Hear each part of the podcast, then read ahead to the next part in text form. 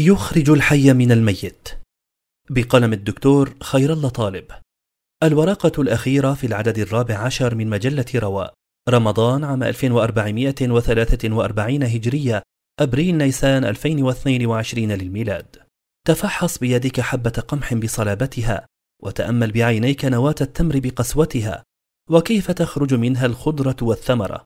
إن الله فارق الحب والنوى يخرج الحي من الميت. يخرج السنبل الحي من الحب الميت وشجر الحي من النوى الميت والمؤمن من الكافر. قدرة الله بالغة لكن اليقين بها قد يخفت في النفس فما يسعف صاحبه في مواقف اليأس. يبهرك فاقد أطراف متفائل وحاضنة معاق متفانية ومهاجر يجاهد وفقير يتصدق ومعدوم يبتسم. وإنك لتعجب لعاكف على التعليم عشرات السنين رغم البؤس والتشريد. ولله در غني من فاق رغم المخاطر والإخفاق وناشط في الشأن العام يكابد باستقلالية ونزاهة واعلامي يدفع ضريبة الحرية والمصداقية. ولا تبتعد عن أمل نبي الله يعقوب بالفرج مع طول المدة وانقطاع الأخبار ولا عن مصابرة يوسف دون الإغراء والكيد العظيم. ثم عفوهما عليهما السلام عن ظلم الأقربين. كل هؤلاء لولا الأمل بالله لانقطع بهم الطريق. ولو علقوا أمالهم بالبشر لباءوا بالفشل ولو غاب عن حسهم عيش الآخرة لتنغصوا بعيش العاجله ولو نظروا إلى المفقود لما استمتعوا بموجود ولو اعتمدوا على إمكاناتهم لأحسوا بالعدم ولو ترقبوا سرعة النتائج لأحبطوا.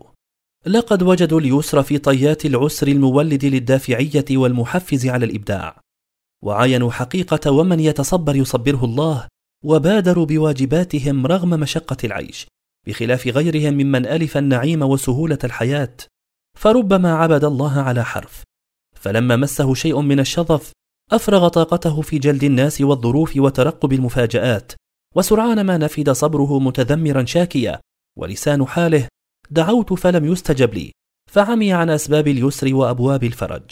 إن النفسية المأزومة وتضخم الذات والجهل بالله وبسننه وقوانينه في خلقه وأوهام القفزات والشعور بالاستحقاق السريع وإعلان التعب وانتظار الراحة العاجلة لا يجلب إلا الضد واليأس.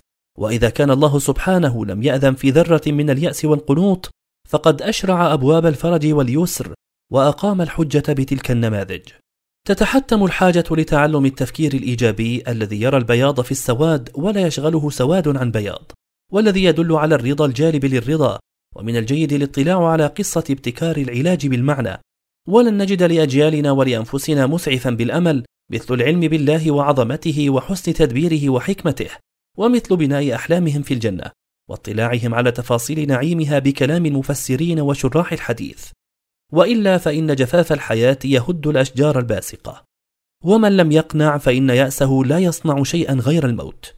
زار النبي صلى الله عليه وسلم مريضا فقال له لا بأس طهور إن شاء الله. قال بل حمى تفور على شيخ كبير تزيره القبور فمات. نهضة الشعوب وتنمية البلاد رحلة شاقة زادها الأمل ومركبها التفاؤل تنتقل من عبودية إلى عبودية بعلم وبصيرة. وقد تبيت في التيه سنوات في مراحل المسير. فإن مع العسر يسرا إن مع العسر يسرا. فإذا فرغت فانصب وإلى ربك فارغب. وعلى طريق الأمل تجدي المثابرة. فدوام الصلاة مع الأمل يأتي بالخشوع ودوام التلاوة مع محاولة الفهم يأتي بالدموع ومن أكثر الطرق أوشك أن يفتح له. وحين تستبطئ مصالحك أو رقة قلبك في مواسم الخير فاعلم أن الله يحيي الأرض بعد موتها. سيحتفظ المتفائلون الصابرون وحدهم بمضمار السباق.